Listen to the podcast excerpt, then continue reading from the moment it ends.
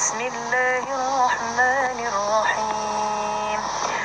واستعينوا بالصبر والصلاة وإنها لكبيرة إلا على الخاشعين. الذين يظنون أنهم ملاقو ربهم وأنهم إليه راجعون. يا بني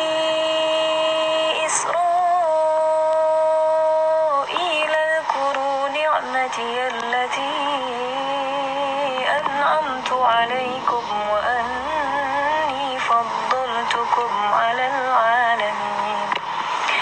واتقوا يوما لا تجزي نفس عن نفس شيئا ولا يقبل منها شفاعة.